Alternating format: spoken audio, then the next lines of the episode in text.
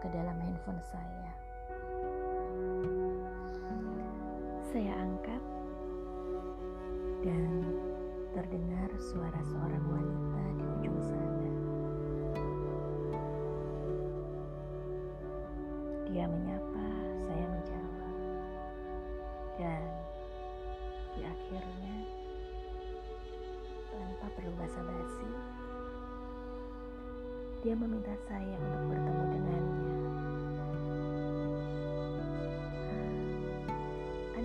Siapa wanita itu? Wanita itu adalah cinta pertama suami saya.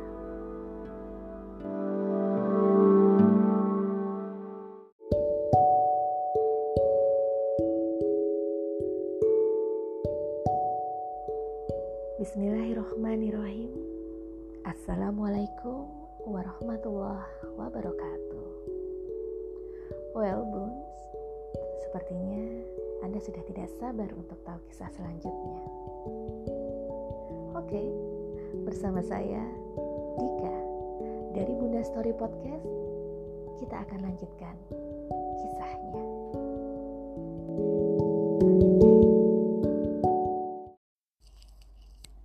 Apa yang akan Anda lakukan jika cinta pertama suami Anda meminta untuk bertemu?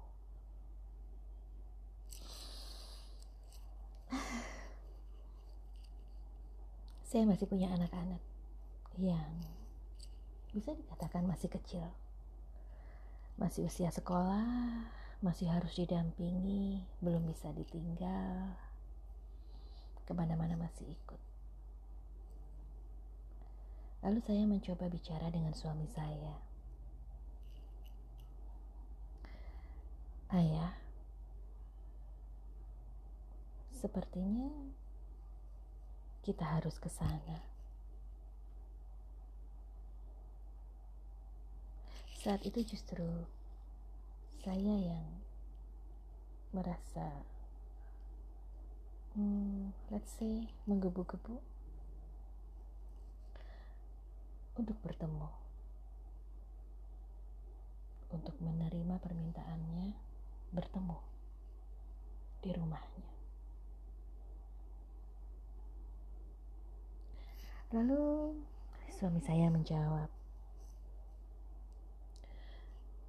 kita lihat nanti ya bun. Pekerjaanku masih banyak sekali. Belum ada waktu untuk ke sana. Ya, beberapa kali memang suami ada dalam posisi yang sangat sibuk sekali. Tapi permintaan itu seakan membayang-bayangi saya walau bagaimanapun juga wanita itu telah hadir jauh lebih dulu dibandingkan saya dalam mengisi hidup suami saya.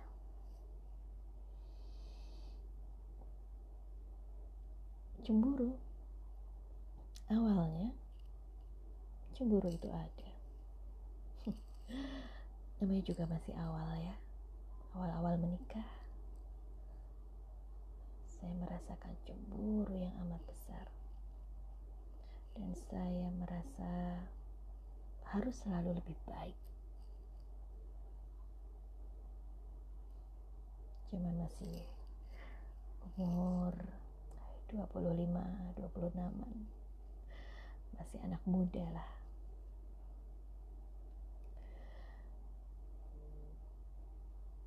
cinta pertama suami saya. Ya, saya tidak bisa memungkiri kenyataan itu. Saya menerima dengan sepenuh hati. Semakin ke sini, tidak ada lagi rasa cemburu yang berlebihan justru terkadang saya merindukannya. Merindukan cinta pertama suami saya. Terbayang bagaimana rasanya.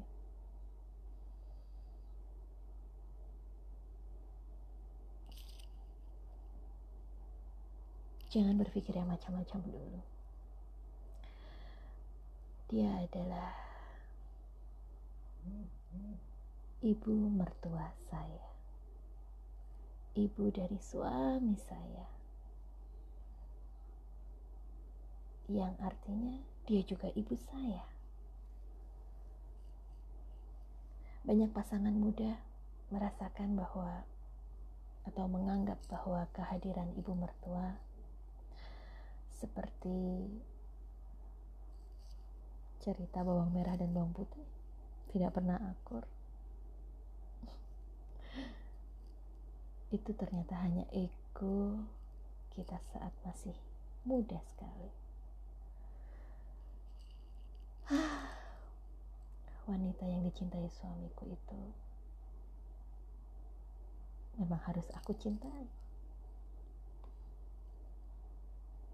seorang anak laki-laki memang memiliki kewajiban terhadap ibunya, meski ia telah menikah. Dan kita sebagai istri tidak mungkin menghalanginya selama semua masih dalam syariat. Justru kita harus mendukung dia untuk berbakti pada ibunya. dan seorang yang berbakti kepada orang tuanya dan bukanlah ia orang yang sombong lagi durhaka. Di Al-Quran surat Maryam ayat ke-14 disebutkan. Jadi, Nauzubillahi Jangan sampai kita menghalangi suami-suami kita. Sampai ia melupakan ibunya hanya karena telah memiliki kita.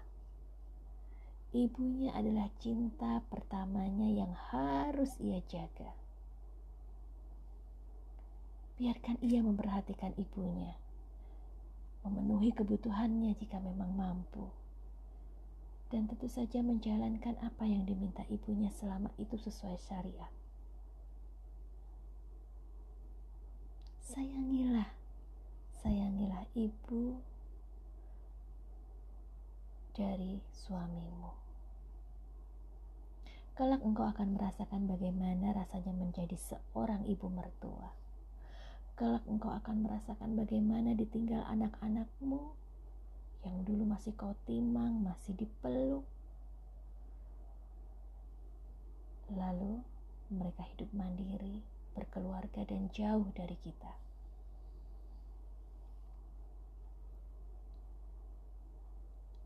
Jadi, sebagai seorang istri,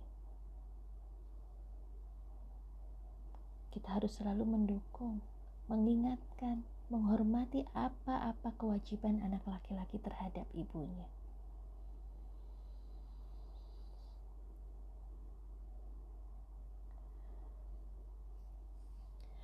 Diriwayatkan bahwa Aisyah radhiyallahu anha bertanya kepada Rasulullah Shallallahu alaihi wasallam, "Siapakah yang berhak terhadap seorang wanita?" Rasulullah menjawab, suaminya apabila sudah menikah. Aisyah radhiyallahu anha bertanya lagi, siapakah yang berhak terhadap seorang laki-laki ya Rasulullah? Rasulullah menjawab, ibunya. Hadis riwayat Muslim. Maka carilah ladang pahala melalui hal ini.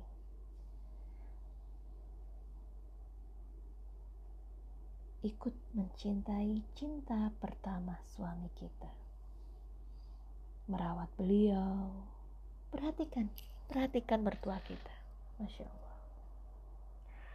Kulit-kulitnya yang keriput, badannya yang rentah, pandangannya yang mungkin sudah mengabur, langkahnya yang tak sekuat dulu. Tangan itu pernah memeluk suami kita. Tubuh itu yang dulu membesarkan suami kita seperti saat hingga seperti saat ini. Perhatikan kondisi ibu mertua kita. Terkadang suami kita terlalu sibuk dan akan menjadi tugas istri untuk juga memperhatikan kondisi dan mengingatkan selalu suaminya untuk tetap mencintai ibunya.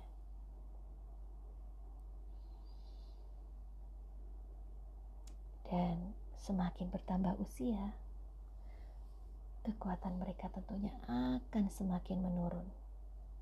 Bahkan di antara mereka ada yang bersikap layaknya anak kecil, pikun, pelupa, pemarah, pemurung, sedih.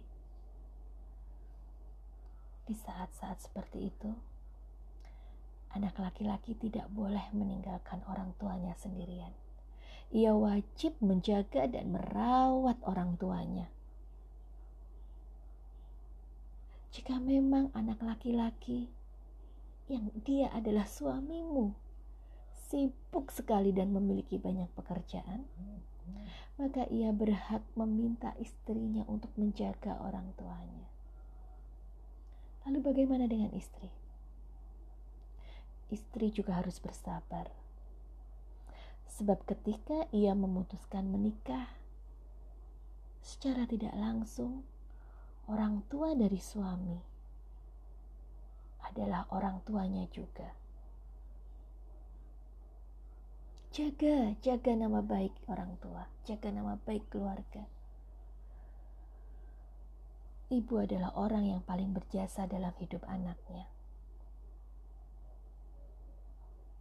Anak laki-laki yang soleh harus bisa melindungi nama baik keluarganya, dan istri yang saleha harus tunduk pada suaminya. Dukung suamimu untuk mencintai wanita tercintanya.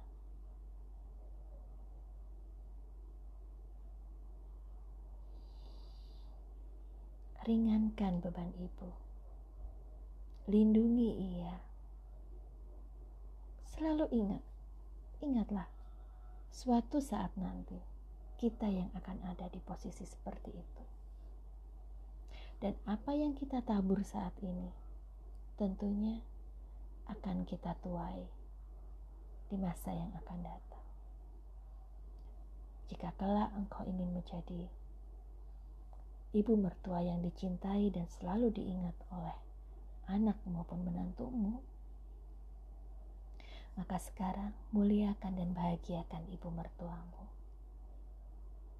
Ridho Allah tergantung pada ridho orang tua dan murka Allah tergantung pada murka orang tua. Mari kita jaga perasaan orang tua kita. Kita datang saat ia rindu. Kita bahagiakan ia.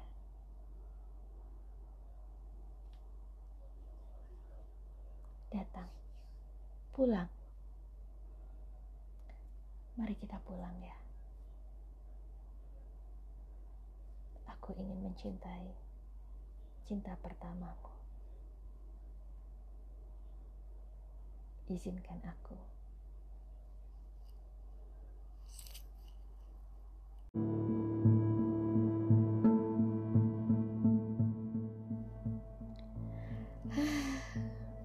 Gimana bun? Akhirnya lega ya bahwa ini tidak sedang menceritakan wanita lain yang hadir dalam kehidupan rumah tangga.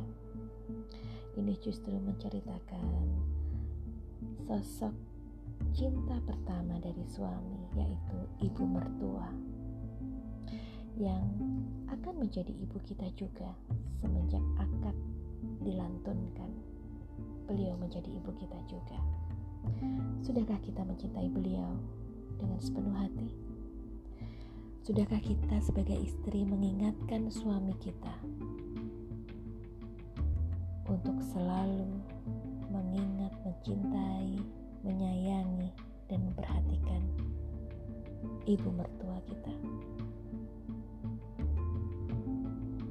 Insya Allah sudah ya, saya percaya Anda adalah seorang istri yang soleha. Jangan lupa untuk selalu berdoa dan mendoakan. Ya Allah, ampunilah aku dan ibu bapakku. Sayangilah mereka seperti mereka menyayangiku di waktu kecil. Akhir kata, saya Dika dari Bunda Story Podcast mengucapkan terima kasih telah mendengarkan kisah ini. Semoga setelah ini kita akan lebih baik lagi, berbuat baik lagi, lebih mencintai lagi terhadap sosok ibu dan ibu mertua kita. Sekian rasanya cukup. Saya ucapkan terima kasih sekali lagi dan sampai bertemu di episode selanjutnya dengan kisah yang lebih menarik insya Allah. Assalamualaikum warahmatullahi wabarakatuh.